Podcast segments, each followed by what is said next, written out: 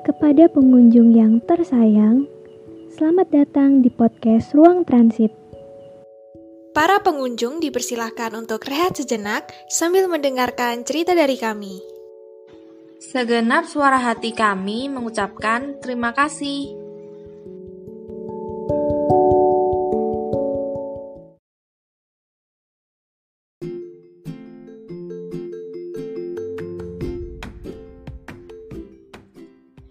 Aku mau cerita nih tentang mereka yang udah berusaha untuk mencapai cita-cita mereka.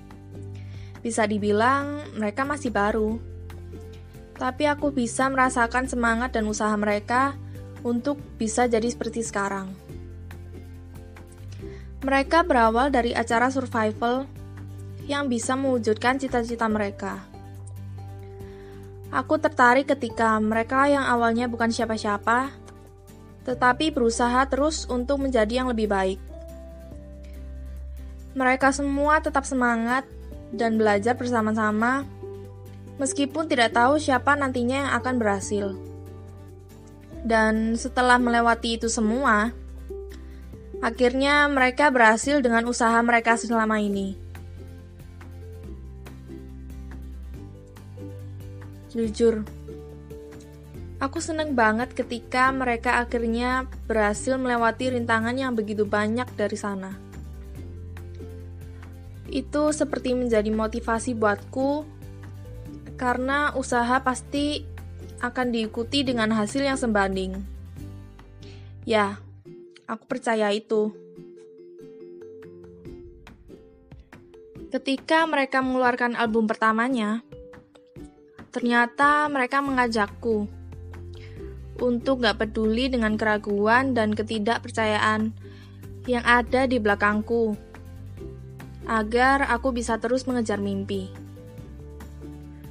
Aku jadi sadar, selama ini aku terlalu bergumul dengan dua hal itu, yang ngebuat aku gak bisa maju.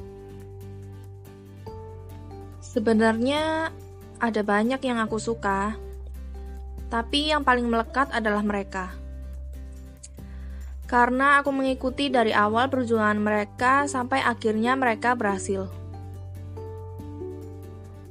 Aku juga suka dengan lantunan musik dan lagu yang mereka buat.